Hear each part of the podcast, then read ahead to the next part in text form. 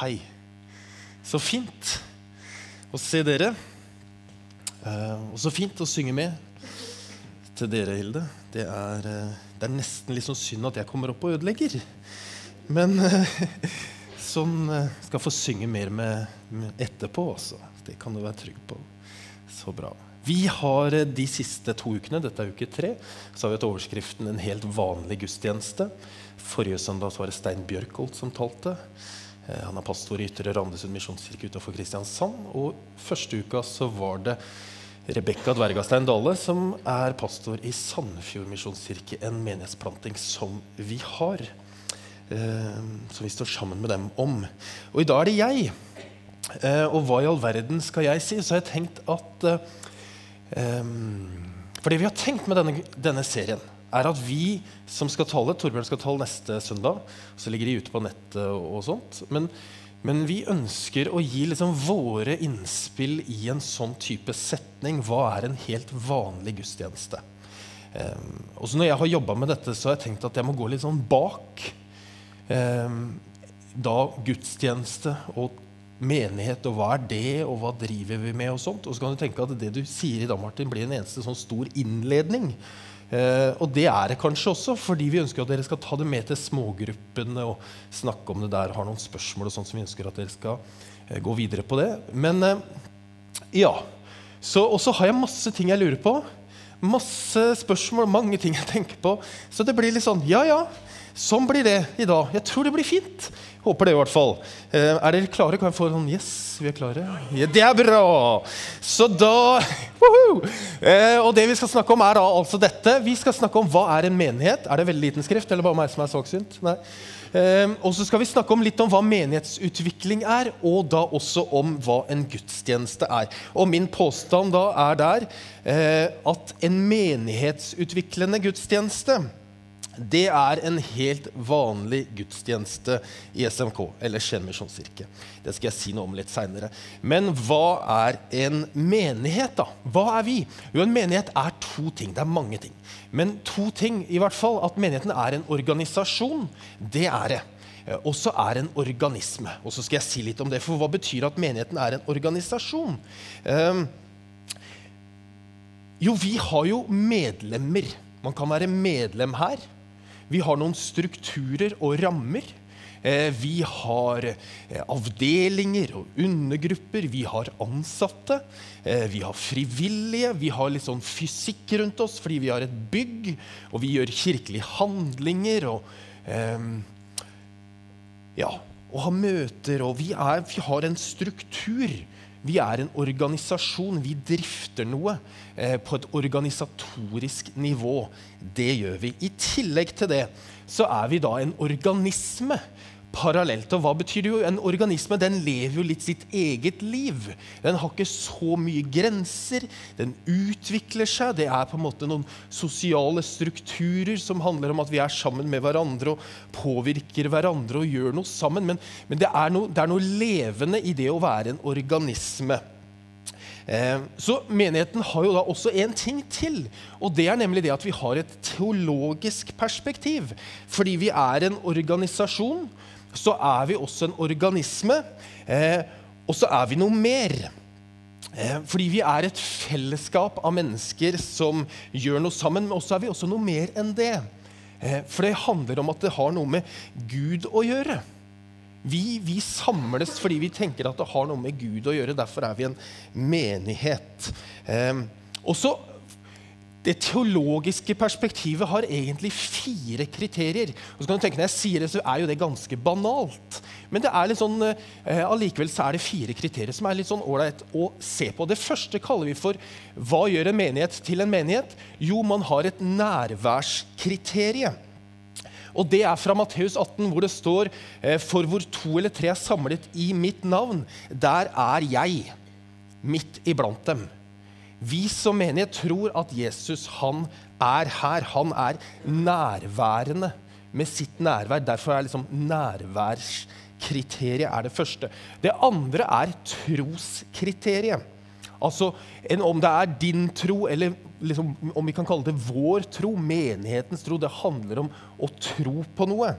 Eh, at vi tror at Jesus har dødd for våre synder, eh, og at frelsen er gitt oss som gave, og at troen fører til en omvendelse og til en dåp, som igjen fører til et opptagelse i menighetsfellesskapet. Og så er jo det med tro, omvendelse og dåp Det blir jo lagt ulike betydninger i det i ulike kirkesamfunn og, og menigheter, men, men, eh, men, det ligger der for det som viktige begreper. da. At det er noe med troen her. Vi tror på noe. Så er det da samlingskriteriet, altså at vi er sammen. Og det er også fra Matteus 18, hvor det står For hvor tro eller tre er samlet. Altså, vi kommer sammen. Vi, vi, vi, er, vi, eh, tror at Jesus er nær. Det tror vi på. Og så samles vi. Vi er sammen. Eh, så har jeg tatt et bibelvers fra 1. Korinter hvor Paulus skriver men når menigheten er samlet, vil jeg heller si fem ord med forstanden, så jeg også kan lære andre noe enn å tale tusenvis av ord i tunger. Og så får du tenke hvordan det ligger an i forhold til denne talen her, da, med, med hvor mange ord man bruker.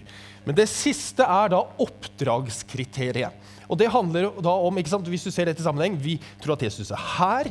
Det tror vi på. Vi tror at vi skal samles. Også, vi skal vi ikke bare samles for oss selv, men vi er samla med et oppdrag. Og det oppdraget, det er misjonsbefalingen, hvor det står 'gå ut'. Eh, og gjør alle til disipler. Altså dette med evangelisering og misjon. Og nå tenker jeg at du kjenner at vi må få en sånn Har du ikke en skikkelig definisjon da, Martin? Så vi får dette liksom ordentlig på hva en menighet er. Og da blir du bønnhørt, vet du, for den kommer her. En, den lokale menighet er der hvor mennesker som tror på Jesus Kristus som frelser og Herre, og som tilber Faderen, Sønnen og Ånden, samles under Herrens løfte om sitt personlige nærvær. Da har du nærværskriteriet. For å høre Guds ord og dele troens fellesskap og nådens midler. I dette fellesskapet tjener de troende hverandre med de naturgaver og nådegaver som er gitt den enkelte, og man forenes i det oppdrag som Jesus Kristus har gitt sin menighet, å bringe evangeliet i ord og gjerning til alle mennesker. Det å være menighet, det handler om å være i bevegelse. Eh, fordi Guds nærvær er jo ikke noe statisk. Det er jo hele tiden levende. Og da må vi som menighet også være levende og være i bevegelse. For når Gud handler med verden og med oss, så kan vi også handle på det. Og når Gud eh, har sendt oss sin ånd, så har han samtidig sendt oss ut for å bringe det videre, sånn at vi blir en sånn type Hva heter det? Vi sier rakett, men det er ikke det. Men vi blir sendt ut. Eh, og det å være i bevegelse som menighet, det handler om å utvikle menigheten, utvikle organisasjonen og utvikle organismen. Og det kaller vi på fint for menighetsutvikling. Og hva er det? Harald Hegstad, som er professor på MF, han sier at menighetsutvikling det er å sette menigheten bedre i stand til å være det den er kalt til å være, og til å gjøre det den er kalt til å gjøre. Altså Det handler om å sette menigheten bedre i stand til å være det den er kalt å være, og til å gjøre det den er kalt å gjøre. Og da handler det om to, to, retninger. på en måte. Det handler om en utvikling og oppbygging, eller at vi gjør noe utover, utover de ikke, for de som ikke er her. Eh, og så handler det om oss som på en måte er her, at vi modnes og vokser. Eh, både som fellesskap, men også i troen på Jesus Kristus. Og så er det en veldig fin modell som nå kommer, som ser sånn ut. Og den handler om at vi som menighet må forholde oss i fire retninger. Og Den første, som står med fine ord, er menighetens historiske kontekst. Og hva betyr det? Jo, det betyr at vi som menighet vi står i eh, Vi har en historie. Alle menigheter har det. Om den er kort eller lang, så har alle menigheter en historie. Vi har 161 år. Som historie. Den historien den må vi forholde oss til. Og i historien vår er det noe vi liker, og så er det kanskje noe vi ikke liker. Men like fullt så må vi forholde oss til det når vi eh, snakker og jobber som menighet, fordi den påvirker oss. Både bevisst, men også ubevisst. Det andre vi må forholde oss til, er liksom den andre pilen ut, som handler om menighetens samtidskontekst. Og det betyr at vi lever i Skien i år 2017 det må vi forholde oss til. Det er liksom ikke 1842 lenger. Eh, vi lever også i et sekulært samfunn. Det må vi forholde oss til. Vi må forholde oss til at kirken og kristendommen er liksom ikke majoritetsbæreren i samfunnet lenger. Det må vi forholde oss til. Vi må forholde oss til at Ola Nordmann, for å være generell, ikke har den kunnskapen om kristen tro som han hadde før, eh, og at den kunnskapen han har, kommer fra det han hører på TV, og det han leser liksom på disse Facebook-chattelinjene under og på VG nett og sånt. Det må vi forholde oss til. Eh, og så må vi også forholde oss til at mange opplever og tror at kristne mennesker er trangsynte, konservative og negative. Så kan vi være enige eller uenige, men vi må på en måte forholde oss til at det er sånn det er. Fordi vi må forholde oss til det samfunnet vi lever i. Den pila oppover er da menighetens åndelig-teologiske dimensjon. Det har jeg egentlig sagt noe om. Og og også den under, den sosiologiske dimensjonen. Hvis du ikke fikk med deg det, så må du høre på, på igjen. Nei, men altså, Det handler om hva, vi på en måte, hva menigheten er. Um, så hvis du tror det er lett å drive menighet, så tar du feil. Det er kjempevanskelig. Det er så mange ting å forholde seg til på en gang. For alt dette må man forholde seg til på en gang. Men nettopp fordi det er vanskelig, så er det jo nettopp det som gjør det spennende. For hvis det ikke hadde vært vanskelig, hvis det hadde vært lett, så hadde det ikke vært spennende og gøy. Det er jo fordi det er komplisert, og det er mange forhold man må liksom tenke på hele tiden. Det er jo det som gjør det spennende, og det er jo det som gjør at man kan skape noe nytt og, og bra. Ikke sant? Er vi enige om det? Yes. Men det betyr jo én ting, dere. Og det det betyr, er at vi må være villige til endring. Fordi vi er ikke skapt til å bare stå fast. Vi, er, vi må være villige til eh, å endre noe. Så har jeg en som jeg av og til hører på i USA, som heter Andy Stanley. Og han sier det at du vet, erfaring det, det gjør deg ikke klokere. Erfaring det gjør deg jo bare gamlere. Vi blir jo bare eldre av erfaring. Men hvis du evaluerer den erfaringen du har, da blir du klokere. Og for oss så betyr det at vi må jo se da på det vi gjør, i et litt sånn evalueringsperspektiv, et litt sånn kritisk lys kanskje, og si hva er det vi gjør i dag? Hvordan fungerer det? Bør vi gjøre ting annerledes? Gjør vi det vi sier at vi gjør? Og så videre. Er vi villige til å se på det vi gjør? Det var en veldig lang innledning, og fortsatt er jeg ikke ferdig. Eh, med, det var liksom første del. Nå kommer andre del av innledning. For nå er da spørsmålet hva er en helt vanlig gudstjeneste? Og ja, Det var grusom skrift. Men det, det som står der, er at gudstjenesten er stedet hvor vi som tror på Jesus Kristus, blir synlige som menighet. Det er gudstjenesten. Det er stedet hvor vi som tror på Jesus Kristus, blir synlige som menighet. Fordi menigheten består jo av mennesker som tror på ham. Eh, og når vi samles, så blir vi synlige i et stort fellesskap. Og så kommer vi til gudstjeneste for å feire og tjene Gud. Eh, det er en mann som heter Peter Halldorf. Han er en svensk pinsepastor, retreatleder og grunn... Han har et sånt retreatsted, skrevet masse bøker.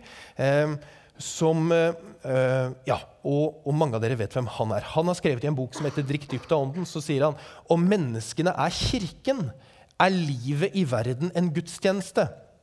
Vil si en tjeneste for Gud, til Guds største ære. Der målet er å trekke inn alt i Guds liv. Og i sentrum av de kristnes felles liv i menigheten feires derfor gudstjeneste. Og det er et litt av et perspektiv, syns jeg. Hvis menneskene er kirken, så er livet i verden en gudstjeneste. I den form at livet vårt er en tjeneste for Gud, og et liv som vi skal ære Han med. Og hvor målet er da å trekke mennesker nærmere Jesus. Og sentrumet, sier han, er da gudstjenesten. Og i gudstjenesten så er jo vi alle aktive deltakere.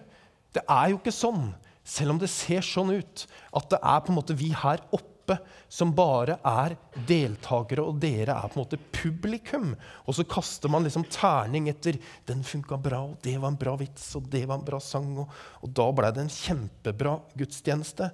Nei, vi er alle deltakere. Stein sa mye om det forrige søndag. Eh, det er et begrep som heter leiturgia.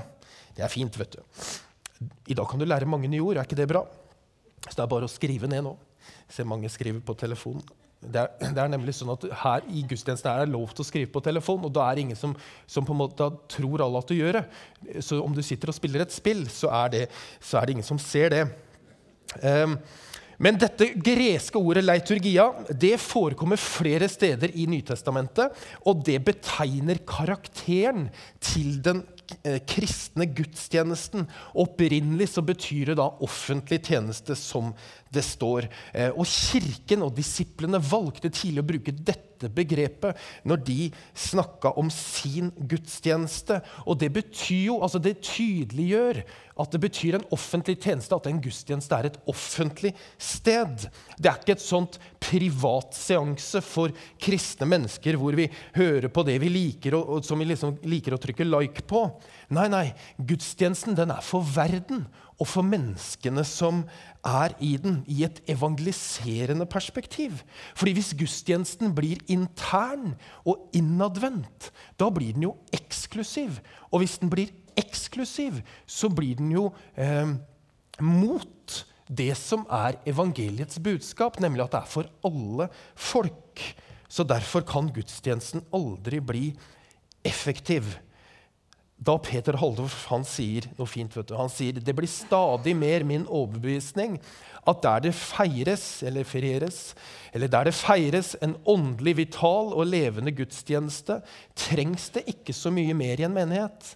Alt annet får sin naturlige plass og funksjon når gudstjenesten er den boblende kilden i menigheten. Punkt to. Gudstjenesten rammer inn fellesskapet i menigheten. For oss som menighet har vi sagt det i mange mange år, kanskje helt fra starten, at gudstjenesten er vårt viktigste samlingspunkt. Det er der vi møtes som storfellesskap, alle generasjoner, store og små, i et sånt boblende, litt sånn kaotisk søndag formiddag. Eh, og Hvis man ser på eh, den første menighet, så var det prega av fire ting. denne sammenhengen. Det var, da, de, det var, utlegging eller forkynnelse av Guds ord. De ba i mange forskjellige nyanser, om det var i lovsang, eller om det var klagesang, eller om det var salmesang, eller hva slags sang det var, eller hva slags bønn det var. Men det var mange forskjellige typer bønn. Og så var nattvern et sentralt sted og et veldig viktig punkt for den første menighet. Eh, og så var tjeneste viktig, det å tjene hverandre eh, på alle områder i livet. Det er en kirkefader.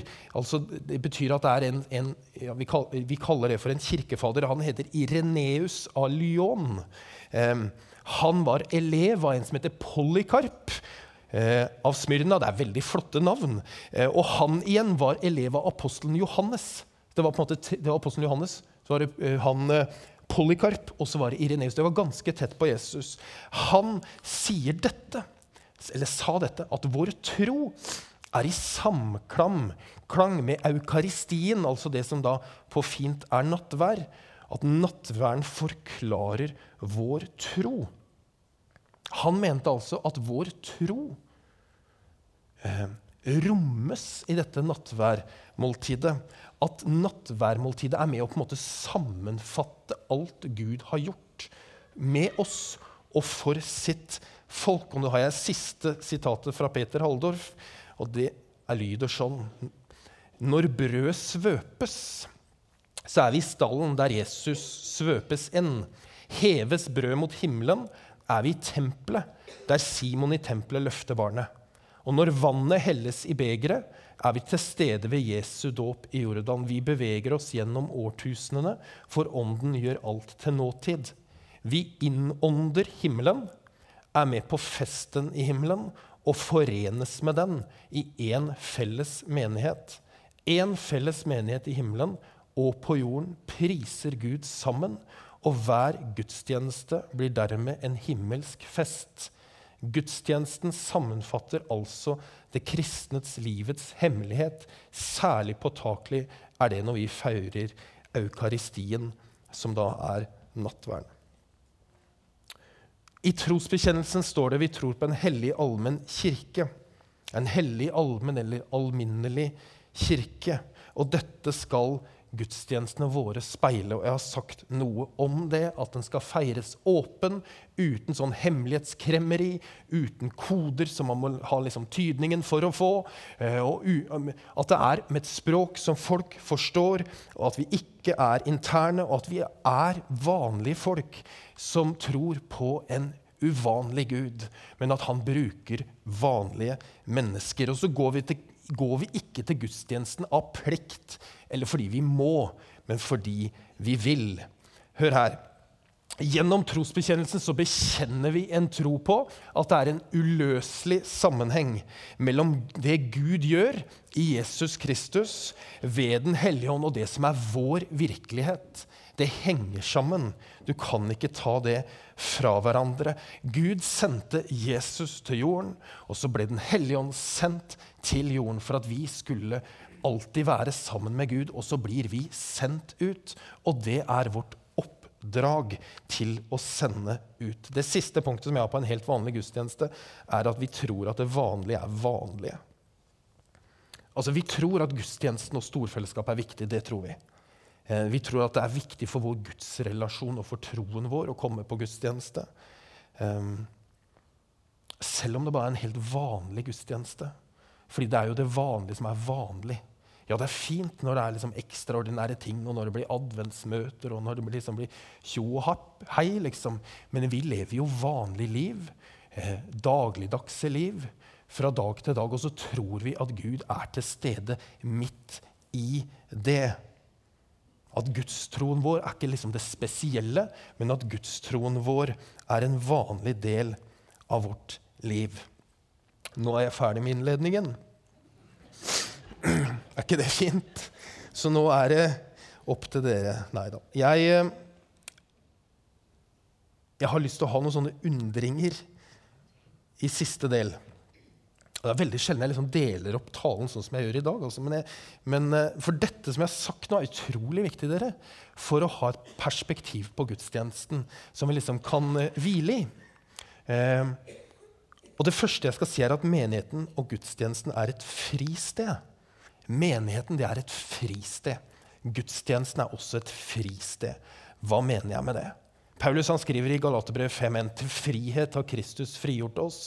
Stå derfor fast, og la dere ikke tvinge inn under slaveåket igjen. Det betyr ikke la noe eller noen ta fra deg friheten din, for den har Gud gitt deg. I Norge så har vi stor grad av personlig og åndelig frihet. Og den gjennomsyrer jo samfunnet vårt. Og den preger hva slags menneskesyn vi har. At vi har stor frihet.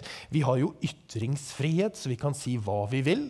Eh, vi har religionsfrihet, så vi kan tro på hva vi vil, og vi kan bytte tro, og vi kan jo skape vår egen religion hvis vi vil det. Vi har politisk frihet, så vi kan jo stemme på ethvert parti vi vil. Og hvis vi ikke finner noe parti som vi liksom kan forenes med, så starter vi jo da også vårt eget. Eh, og så har vi kvinnefrigjøring, og vi har mange forskjellige typer eh, frihet i vårt samfunn. Og det er jo sånn at Kjærligheten gir frihet som gir frihet til valg. Men hvis du kobler fra kjærligheten, fra friheten Hvis du kobler kjærligheten bort, så blir det bare et annen form for slaveri. Paulus skriver i 1. Korinterbrev 6,12 at 'jeg har lov til alt, men ikke alt tjener til det gode'. Vi har lov til alt, men jeg skal ikke la noe få makt over meg. Til og med ikke friheten vår skal vi la få makt over oss. Sånn at det igjen blir at vi blir slaver av vår egen frihet. Vi blir så opptatt av å skal være fri at det egentlig bare blir et slaveri. Fint rim. På Facebook i gamle dager så fantes det en knapp eh, ikke i gamle dager, den er nå, den, som heter 'interessert'. Den var I gamle dager så het den 'Maybe Attending'. Det var kanskje bare fordi den var på var det, det, jeg tror også var gærent å si på Facebook i gamle dager. Men, eh, men det fins en knapp som heter 'interessert'. Hvis det er et arrangement, så man kan man trykke 'going' eller 'not' eller 'no', og så 'interessert'. Um, og En annen måte å si det på er jo at jeg er interessert, men jeg tar forbehold. Det kan jo dukke opp noe annet. Det kan jo hende jeg skal noe annet. For eksempel, og så har jeg på en måte googla litt av dette med 'jeg tar forbehold'. Og Det er mange ting man kan ta forbehold om. Man kan ta forbehold om pris, eh, om leveringstid, om trykkfeil, foreløpig svar, allergener, produktendringer. Og så et sted leste jeg vi tar forbehold om kjærlighet. Og så tenkte jeg når det står for presten og så sier vi du tar den sier, ja, vi jeg tar noen forbehold om sånn og sånn og sånn. Eh, snøforhold og værforbehold er jo mange som tar nå for tiden. Spesielt forbehold mot vær. Og så lurer jeg på, Kan man være kristen med værforbehold? Og så har jeg også lurt på hva slags Vær er et godt møtevær. For hvis det er snø, spesielt nå framover Hvis vi ikke reiser til Jarseng, liksom, så, så, må vi jo gå på ski. Eller vi må på hytta. Er det sol, så skal vi bade. Og er det regn, da er det så spesielt november, da er det så trist, og da blir vi hjemme likevel. Og du vet, Møtebesøkende det kan du være med værforbehold. At du er interessert og kommer når det passer. Det er du hjertelig velkommen, og du er hjertelig velkommen til det. Å være møtebesøkende her i SMK. Komme når det passer, når du har lyst, når du vil. Du er hjertelig velkommen. Uansett, Du kan være i mange år, kanskje hele livet ditt, som møtebesøkende. Du er alltid hjertelig velkommen til å være det. Men så har jeg lyst til å utfordre noen av dere på én ting. Og det er at du også er invitert med på å bygge denne menigheten. Ikke av tvang, ikke av plikt, men fordi du har lyst. Og så håper jeg at du har lyst til det. Og hvis du skal være kirkebygger eller menighetsutvikler, eller, så kan du ikke alltid ta værforbehold og alltid klikke at du er interessert. Selvfølgelig, av og til så må vi det. Og av og til så skjer det ting i livet som gjør at vet du hva, nå må vi gjøre noe annet. Det skjønner vi jo alle. Og så handler ikke det om hver eneste søndag, sånn, men det, dette må du finne ut av hva du vil være. Om du vil være møtebesøkende og komme når du er interessert og når det passer, eller om du har lyst til å investere mer tid eller krefter eller ressurser eller hva det er. Og så er det én ting til å si om forbehold. Og det er det jeg skal avslutte med. For jeg er veldig glad for at Jesus ikke tok forbehold. Han kunne jo tatt mange forbehold om at de tolv skulle være samlet hele tiden. At gjengen skulle følge med og stå rundt korset. At det var statsstøtte på vei. At det var frivillige som ville delta etterpå. At det var noen som ville ta opp tråden. Han tok ikke forbehold. Vet du, det var jo ikke nagler som holdt Jesus på korset. Han kunne jo gått ned fra det når som helst. Men det som holdt Jesus på korset, var jo at han var bundet. Av hva da? Av kjærlighet uten forbehold til deg og meg. Så om vi tar forbehold, så tar Jesus aldri forbehold i møte med deg. Da trykker han 'going', og han går hver eneste gang til deg. For han tar ikke forbehold i møte med deg. Så til slutt hva gjør vi med det vi har hørt i dag? Og da har jeg lyst til å gi deg en utfordring som er todelt. Det pleier det å være. Og Det første er kom på de vanlige gudstjenestene. Ja, Kom til advent og til første påskedag og alle disse andre gudstjenestene. Men kom på de vanlige gudstjenestene, for det er egentlig ikke noe vanlig med det i det hele tatt. Og så at du skal tenke gjennom om du har lyst til å være møtebesøkende og komme når det passer, og være interessert, eller om du har lyst til å være med å bygge. Og du er hjertelig velkommen til begge deler. Og vi har ikke sånn A og B-rangering på det, for du er hjertelig velkommen uansett. Men hvis du har lyst til å bidra Nå skal jeg stresse de som står i den der velkomststanden uten foajeen.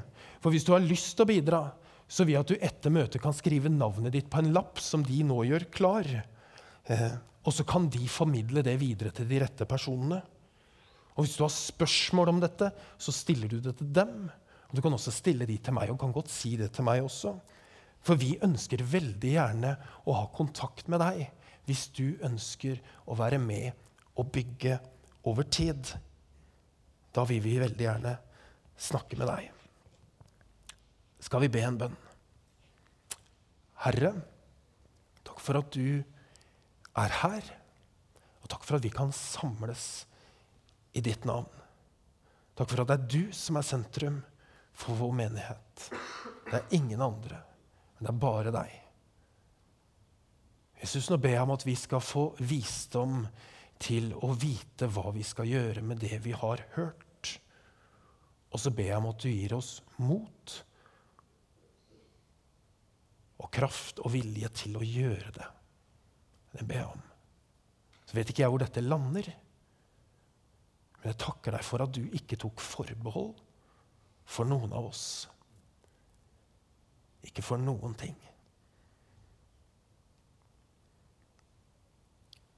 Amen. Nå skal vi synge noen sanger sammen. Da er det fint at vi reiser oss først, for da an, er det lettere å bevege seg. Og når vi synger, så kan du tenne et lys i lysgloben der nede. Du kan skrive en bønnelapp foran miksebordet, og du kan også få forbønn nede i høyre hjørne. Ehm, så benytt den anledningen.